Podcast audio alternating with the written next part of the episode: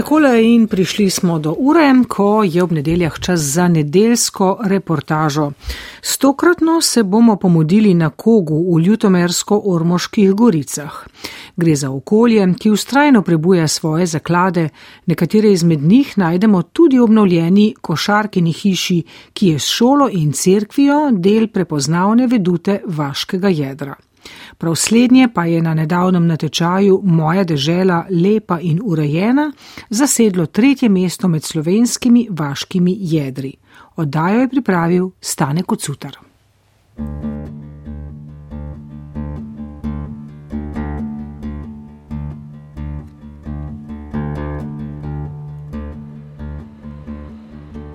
Kok kraljuje nad vinogradi in značilna veduta, ki jo opazimo že oddaleč, crkv, šola in še nekaj sveže obnovljenega, več o tem pozneje, mogočno bdi nad trtami.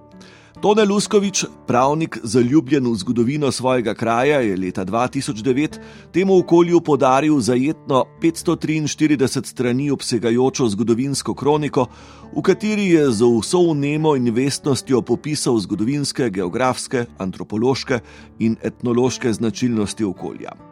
Doma je iz bližnje Lača Vesi. Zadnja leta se je vrnil v okolje, iz katerega praktično ni nikoli zares odšel.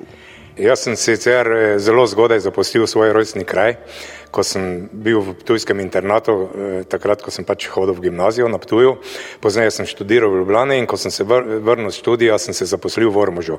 E, jaz se še danes šalim, pravim, da sem bil skoraj 40 let na začasnem delu v Ormožu, kajti takoj, ko so nastali pogoji, ko sem si uspel tu ustvariti neko bivališče na kogu, so vas se soprogo in z otroci vrnili na kog. Skratka, korenine sem pognal tu in verjamem, da bodo tudi ostale ostale eh, korenine zakopane. In zato eh, bom rekel, ker me je več čas nekaj, ne bom rekel, da je bilo to domotožje, ampak čutil sem se povezan z rojstnim krajem in zaradi tega sem tudi vso svoje raziskovanje na področju ljubiteljskega raziskovanja zgodovine posvetil temu svojemu rojstnemu kraju, prelepemu kogu. Praktično 20 let sem zbiral eh, različno gradivo, eh, bil sem svoj čas tudi v uredniškem odboru zbornika Ormož skozi stoletje in takrat me je Peter Pavel Krasinc eh, navdušil praktično nad tem, da sem začel zbirati arhivske vire o svojem rojstnem kraju. Bil sem praktično zelo presenečen, da za tudi najmanjši kraj v Sloveniji obstaja toliko arhivskih virov in če se le najde kdo, eh, sicer moraš biti malo poseben človek, da sediš v arhivih zaprašenih in svoj prosti čas pač eh, uporabi za to, ampak jaz sem eh, začel to zbirati, potem mi je to ležalo doma in ko so otroci z osnovne šole začeli včasih hoditi tudi pa iskati podatke o svoji vasi, sem se odločil, da praktično ne bom tega sebično čuval za sebe eh, in sem se leta 2009 izdal kroniko tega svojega rojstnega kraja, ki je pravzaprav neke vrste krajepis in zgodovinopis, eh, tako kot so nekoč rekli, temelji pa, to je izključeno kronika, ki temelji na arhivskih virih, torej ni roman, ni lahko branje. Manj znano je, da je Kok aprila 1945 zaradi obrambne črte, ki so jo tam pred Rdečo armado utrdili Nemci, spominjal na Hirošimo. Je verjetno, je kar pravi izraz na kogo, če pridejo danes turisti, praktično ne bodo našli nobenih ostalin preteklosti. V etnološkem smislu ta kraj ni zanimiv, ni starih zidanic, najti slamokritih hiš, to, kar bi pričakovali od takšnega vinogradniškega območja. Eh, razlog je v tem, da je med 7. in 15. aprilom 45. leta preko koga potekala utrjena frontna črta, ki so jo zgradili Nemci od septembra do novembra 1944 in ko je Rdeča armada začela prodirati v smeri proti kogo je naletela na to utrjeno obramno nemško linijo in Osem dni so praktično obstreljevali non-stop eh, rdeče armejci eh, območje koga. Nemci so se tu utrdili, niso se umaknili, In pozneje, ko, Bolgar, ko je bolgarska armada predrla na kok in so se Nemci umaknili na rezervno linijo, je še nekaj naslednjih dni trajalo obstreljevanje potem eh, nazaj Nemcev na kok. Kok je bil praktično eh, spomladi leta 45 sama ruševina, 274 stanovanjskih hiš, 273 gospodarskih poslopij je bilo porušenih, ostalo je delno poškodovanih primernih za bivanje samo 58 hiš na kogu. Pogovarjali smo se o tako imenovani košarkini hiši, tisti, ki je, umeščena med šolo in crkv svetega Bolfenka, sestavni del vedute, nekoč razpadajoča, danes prenovljena in obetavna. Ta hiša sicer ni eh, tudi zdaj eh, prenovljena, ni noben arhitektonski presežek. Zgradila sta jo dva eh, slovenca, sicer avstrijskega državljanstva, Benedikt in Filomena Zenkovič, okrog 1870. leta sta jo začela graditi in zgradila sta za kogovske razmere, ker je bilo to viničarsko območje mogočno zgradbo vinogradniško eh, domačijo, ni to mogoče v kategoriji tistih eh, gospodskih zidanic, kot je Malek, eh, železne dveri in podobno, ampak za kogovske razmere je bila to mogočna hiša celo nekoliko atraktivna, ker je imela nek stolpič v sredi, Potrebno pa je bilo eh, takšno eh, ali pa gradnja tako velike hiše tudi iz tega razloga, ker sta ta dva zakonca imela na kogo 25 hektarov vinogradov, veliko posest in preselila sta se sem, ko sta zgradila hišo, eh, no potem pa je življenje pač obralo čudno pota, različne usode teh stanovalcev so se dogajale, predvsem ko je Zenkovič umrl in je vdova Zenkovič ostala sama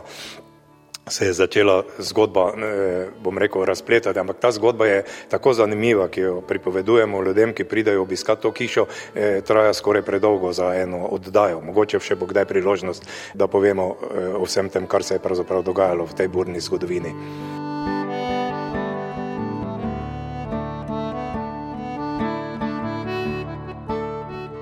V obnovljeni hiši sta svojo poslovno priložnost našli domačinki Teja Mlinarič in Neška Orešnik. Mladostna zagnanost in navezanost na bogatstvo domačega okolja sta dobri popotnici za uspeh. Teja pove. Ja, nekako so pobude prihajale iz strani turističnega društva, iz eh, strani drugih, ki delajo v turizmu. Uh, iskali so mogoče nekakšno rešitev, da pač turistično društvo ni več zmoglo vsega uh, početi samo, torej se ukvarjati z turisti in tako naprej. Želeli so, da bi ta hiša dobila večji namen, torej da bi se jo več uporabljalo, da ne bi bila sama sebi namen. Potem pa nama je, so nama enkrat to hišo pokazali in mi dve sva v bistvu nisva rekli, joj, kaj bi pa zdaj tukaj, ampak sva takoj iz rokava stresli vse, kar se tukaj da delati in so rekli, vi dve morate to hišo pač nekako zaživeti, pač v, da se nadaljuje vse skupaj. Ne tukaj zdaj v bistvu že turistično društvo je prej izvajalo razne degustacije, vodene oglede, uh, muzejske zbirke in s tem nadaljujemo tudi zdaj. Uh, v sklopu košarkine hiše pa ekipa organizira tudi razne dogodke. Imeli smo recimo kino večer, pa uh, razne someljejske večere in tako naprej. Možno je tudi organizirati team buildinge, izobraževanja. So nekako uspeli, da bodo lahko tukaj tudi izvedene civilne poroke, tudi zunaj je čudovit prostor za Eh, takšen, takšen namen. Tako da se nekako tega lotevamo širše, eh, torej da jo čim boljše izkoristimo, da imajo v bistvu ljudje čim večji dostop do te hiše. Miromunda je sloveče vinarsko ime Kogovskega vinorodnega sveta. Ja. Eh, fajn je, da imamo tu zdaj na kogi prostor, kjer lahko več pozornosti posvečamo vinu. Fajn je tudi, da imamo tu zdaj uh, vinoteko, ne, z uh, kogovskimi vini, pa tudi ostalimi uh, pridelki, in da se je uh, to, ta zgodba uh, začela razvijati. Uh, jaz uh, samo lahko rečem, da vabim vse, naj pridejo na kok uh, v štacun, kako se reče, in uh, pogledajo, probajo, kaj se tu da dobiti, in pa potem še možnost imeti iti uh, okoli do vinarov in ostalih ponudnikov.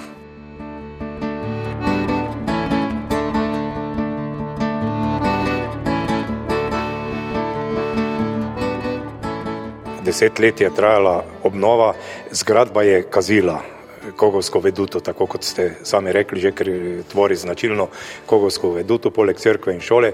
Kazila je to, zato ker je bila, eh, predvsem gospodarski del, je bil zelo zanemarjen. Razlog je tudi v tem, da je na koncu to bilo bivališče za eh, socialno ogrožene stanovalce in vemo, kako se vzdržujejo takšne zgradbe. Tudi občina takrat ni imela velikega posluha za vzdrževanje te zgradbe, pa tudi sami stanovalci niso skrbeli za njo. In zgradba je klavrno propadala in je kazila torej kogovsko podobo. Več let je bila želja vodstva krajevne skupnosti in v eh, dogovorih z občino smo končno v letu 12 uspeli pridobiti tudi evropska sredstva, se zavezali zavezali, da bomo prenovili hišo takšno, kot je bila nekoč in da bo služila za turistične namene. To nam je v treh fazah končno uspelo in lansko leto maja smo imeli otvoritev torej komplet prenovljenih prostorov in danes ta zgradba služi v turistične namene, tako kot je že bilo povedano. V njej imamo tudi majhno etnološko zbirko, skratka vse spominja na pretekle vinogradniške čase. Še dodaja tone. Miro pa je razgrnil spomin na letošnjo trgatev in dodal, da njegovo delo, delo vinarja, nikoli ni končano. Vinarjev krok namreč nima ne začetka in ne konca. Ja, letos je, oziroma zdaj že nekaj zodih let so uh, brodce, kot mi rečemo, tu pri nas uh, malo hitrejše. Letos sicer morti, uh, smo mogli začeti prej trgati bolj zaradi zdravstvenega stanja grozdja v Goricah, ker je pač september bil vreme takšno, kakšno je bilo, ne glih najbolj primerno za zorenje grozdja, tako da smo mogli malo prej trgati. In je zato trgatev pred fertik, ampak trgatev je samo del uh, vinske zgodbe, ne? zdaj se stvar nadaljuje v kleti in uh, tako da uh, bi rekel, to je en krok, njega tu začetka pa njega tu konca. Ne? Uh, Uh, samo zgleda včasih tako, da smo nekaj končali, ampak v resnici pa smo nikdar ni fertik, skozi je, skozi je uh, treba za nekaj skrbeti.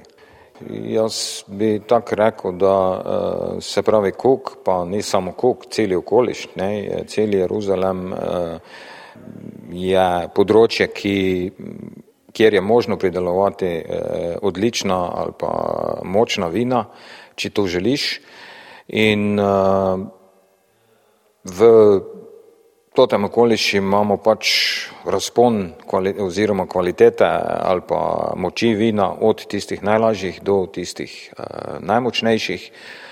Uh, kupci to prepoznavajo, uh, kupci to tudi, uh, uh, bi rekel, cenijo in uh, tako da je, uh, bi rekel, uh, razpon naših kupcev tudi eh, temu primeren, ne? se pravi od ljudi, ki iščejo nekaj svežega, sadnega, lahkega, do tistih, ki iščejo močnejša vina, do tistih, ki iščejo eh, arhivska vina, no, tako rekel, ali pa stara vina, kakoli se temu reče. Ne? In eh, jaz mislim, da mm, je samo, samo treba naprej eh, dobro delati, pa mogoče začeti razmišljati o zmanjševanju pridelkov, eh, o eh, tem, katere sorte bomo tu pridelovali, ne, eh, kaj je, kaj je tisto, kaj je tu pri nas doma, v totem panonskem robe in na konci koncev tudi tisto, kaj bomo lahko v svetu prodali. Po mojem ne sort, ki so prisotne v celem svetu, ampak sorte, ki so tudi pri nas doma, kak so šipon, laški, pa od rdečih frankinja. Ne. In po mojem je to več ali manj to, ne, na tem graditi eh, trg v tujini, pa na tem graditi prepoznavnost v tujini. Ne. Sploh pa ga nismo presenetili z vprašanjem, kateri znameniti Kogovčan, ki ga ni več, se je rodil novembra pred 93 leti. Če moram povedati, kateri je ja, Stanko, ne? Stanko Čurin. Ja. Stanko je, jaz se ga tako spominjam, eh, skozi, kdo sem šel mimo, pa sem se stavil, rekel, hodi na kupico. Ne. Uh, on je meni, pa tudi marsikajremu drugemu uh, vinari tu okoli, pa ni samo tu okoli, tudi širše po Sloveniji, bil na nekšen način tudi mentor ali pa učitelj, kakoli tamo rečemo. On je vedno uh, delijo izkušnje rad svoje s tem, kaj se mu v kleti dogaja, kaj kak vre, kak je bilo v Goricah, zakaj je potem vino takšo in to so vse bili pogovore, ki si potli dobijo sam kakšno idejo, kaj bi v kleti naredil ali pa v goricah naredil. Ne?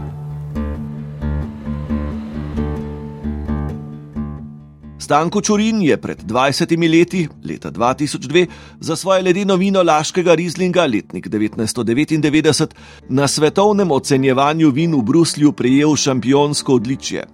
Zelo dobro se je spominjal. Tam in tedaj je sodelovalo 3007 vzorcev vin iz 44 držav. Vinarski Goljat, Francija, je na ocenjevanje poslal 1443 vzorcev. David, Slovenija 18 vzorcev.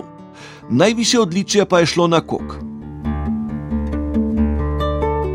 V nadaljevanju bomo slišali, kako je Stanko Čorin dočakal novico iz Bruslja, kako je videl slovensko vinarstvo in kako se je njegova zgodba o tej dejavnosti leta 1963 začela. E, seveda, mene, kdo so po noči klicali, e, v prvi fazi vsega nisem mogel verjeti, ker sem videl, kaj to ni resen. E, da bi dejansko lahko ena mala Slovenija se v svetovnem nevoju predstavila in donesla, pokazala nekomu v svetu, da tudi lahko na enem malih slovenskih tleh zrase vino, ki je svetovni prvak.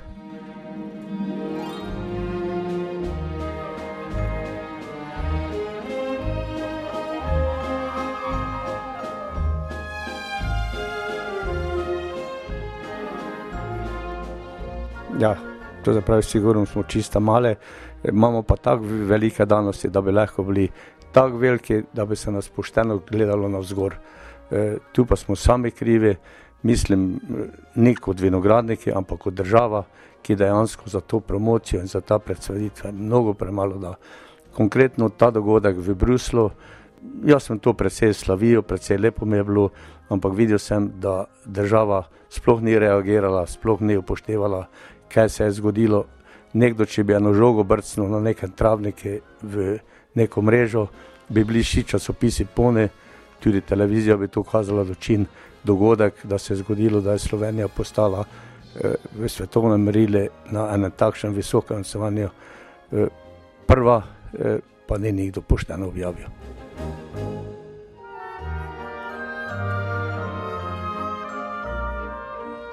Moja pet je bila v glavno odločujoča eh, leta 63. Leta 63 me je gospod Zadrvec Jurica nekajkrat poklical k sebi.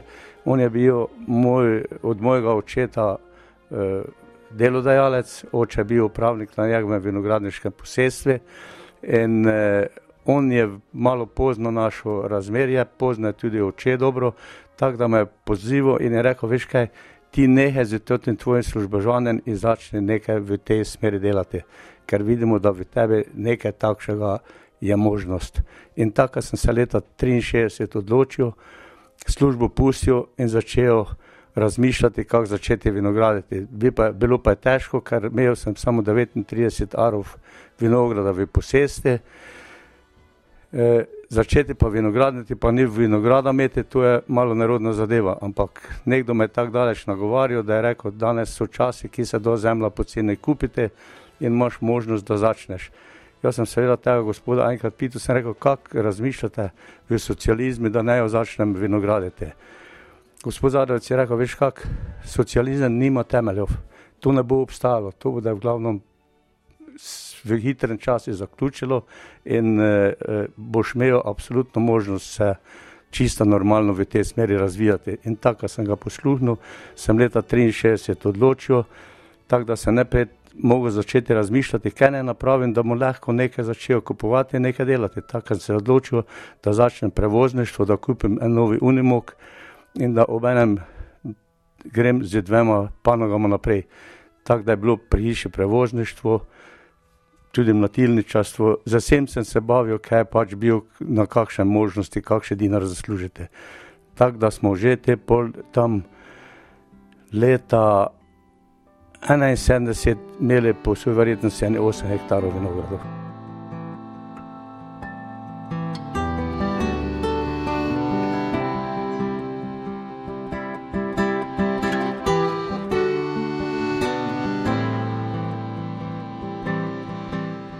Vrnimo se spet v košarkino hišo.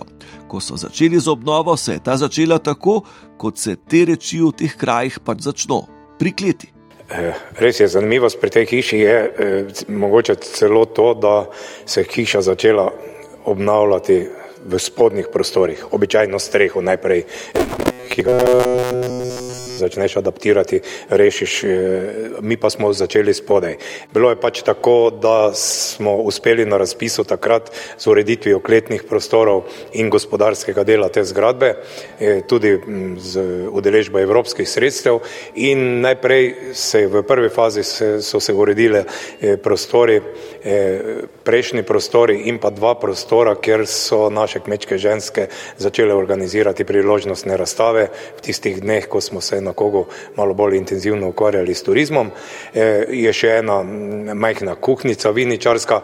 No, v prvem prostoru tam je zdaj danes nek kotiček, bom rekel, spominski spomin na zadnjo lasnico, Ano Košar prejšnji prostor pa je praktično eh, identičen, kot je bil tudi takrat konec 19. Eh, stoletja, ko sta to hišo in gospodarsko poslopje zgradila eh, zakonca Zenkovič.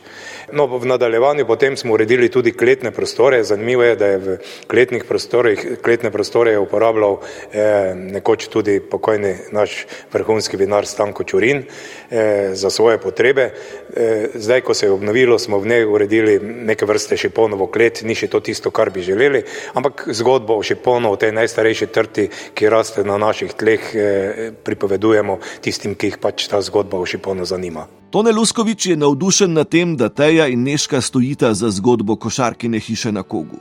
Jaz sem prepričan in vesel sem, da lahko sodelujem eh, z mladostno energijo. Eh, vidim, da imata zelo dobre ideje okrog tega, eh, da se ta hiša v katero je bilo vloženo mimo grede kar eh, pomembno, pomemben delež sredstev, tako občinskih kot evropskih, eh, da seveda mm, nismo tega denarja vrgli stran in da bomo zgodbo o kogoskem turizmu eh, s pomočjo teje in neške širili naprej še ob organizaciji dogodkov, ki jih pripravljata in seveda tudi v sodelovanju z ostalimi društvi, ki delujejo v kraju, predvsem s turističnim društvom in društvom Antonovanje na Kogo. Upam, da bomo našli skupni jezik, včasih se pač kaj ki kaj zalomi. E, prvi začetki so težki, ampak trdno sem pripričan, da je pot, ki je bila začrtana in e, v tej košarkini hiši, da bo nadaljevala zgodbo in vinarsko in vinogradniško tradicijo na kogu. In kaj je tisto, kar poleg krajine in vina najbolj pritegne obiskovalce?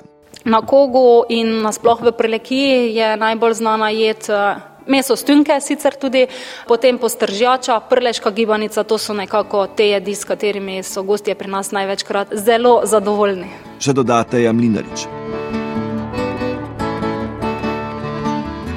Kljub nekoliko oblačnem vremenu se nam je v svojem fotografskem obhodu pridružil Ciril Ambrož, ne sicer Kogočan, temveč nekdo iz širše okolice, mojster fotografij vinorodne krajine, ki mu je že zelo dolgo zelo blizu. Ja, uh, svet je lep uh, in ta naš je še, bi rekel, posebej. V vsakem letnem času, tudi danes, je fotoaparat poleg, čeprav je uh, vreme takšno, pa sem že naredil vsem grede par posnetkov v gozdu, ki sicer letos ne bodo nekaj ekstra, ampak vedno je treba delati, vedno je treba skrbeti za kondicijo, opazovati. Drugače, gorice so pa tako, bi rekel, fotogenične, ali so vertikale, ali so uh, terase, meni čisto vseeno, ker uh, je eno in drugo lepo. Najbolj važno je, da si v pravem času uh, tam, da imaš izkušnje oziroma naštudirane uh, nek način, kam zjutraj iti, recimo zdaj prejšnje dni, ko je bila ta megla je bilo seveda zopet nekaj posebnega, Bogomila ven in nebo, eh, bo Jeruzalem pogledal iz megle, ne pa s dirko iz ene točke na drugo točko in seveda loviš in eh, izjemni posnetki so nastali.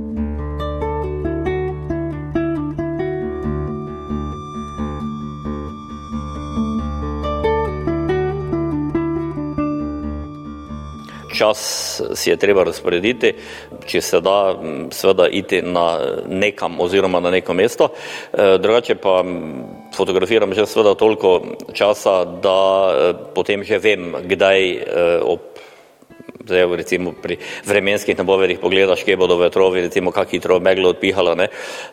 In vsi letni časi so seveda izjemno, izjemno zanimivi.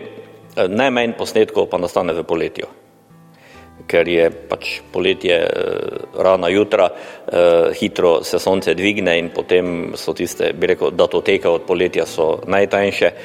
Eh, v včasih na filme je bilo to seveda bolj skromno, danes tega naredimo bistveno več, ampak uh, samo zaradi eh, razlik med slikami, tistih drobnih razlik, ki jih pri filmu pač si nisi mogel privoščiti, uh, zdaj pri digitalnem to lahko seveda narediš, pa gledaš malo en kot pa drugi kot pa, ampak uh, gorice so lepe, res. Ciril desetletja spremlja vinorodno krajino Ljutomersko-Ormoških goric. Ali je zaznal kakšne spremembe? Ja, spremembe so izjemno velike. Eno največje, ki jo opazim, je seveda to kot eh, gradbenik, eh, grozna arhitektura, eh, kam smo krajino pokvarili v tem, tako da na sliki se vedno izogibamo avtomobilov, hiš, tistih, ki pač ne naredijo nekega posebnega vtisa, pa žic. To so, to so stvari, ki jih, ker avtomobil sorazmerno hitro zastari, drugače pa tak v krajini severno od nas so recimo gorice dosti manj obdelane, kot so bile pred deset leti, ko še se spomnim zračnih posnetkov. Drugače pa je še vedno se do dovolj goric obnavlja, tako da bi rekel, še držijo svet v kondiciji. E, ostalo del pokrajine, se pravi kmetijstvo, gozno, pa je seveda vedno lepo. Fotografije Cirila Ambroža pogosto srečamo pričakovano in nepričakovano. Dosti krat se sam začudim, kje jih vse najdem. Ne? Ja, sem rekel, kako so prišli do njih, eh, tudi na sezanje pred, eh, na televiziji, vidiš eh, pred, dnevnikom sliko, pa spodaj je vse podpisano, civilno broš, ne vem, kako so vse prišli do nje. Drugače pa seveda knjige, razglednice, koledarji, katalogi, razne publikacije nimam pa internetne strani, ja pa mi otroci vedno pravijo, to pa moramo napraviti, ampak mm, niti ni silno pomembno, ne več je vredna slika, ki jo objaviš. Eh, ne, eh, ali je to v knjigi, ki je pač, eh, lahko rečem, skoraj večna, tam je ne več vredno. Zdaj v digitalnem svetu je slika zelo minljiva ne? in najlepše meči knjiga tiskana nekje izide in jo seveda shraniš na nek način, na tak način in uh, ljudje jo morajo videti. Ne. Uh, krasno pa mi je, ko nekdo vidi mojo sliko, pa nisem podpisan spodaj, uh, pa reče, gled, to so pa tvoje slike. Ne. In s tem pa si fotograf dosegel vse. Ne. To je bila nedeljska reportaža, nastala v košarkini hiši na Kogu v slikovitih poznojesenskih ljutomersko-ormoških goricah. Privoščite si kdaj pot v ta svet, zlezel vam bo pod kožo.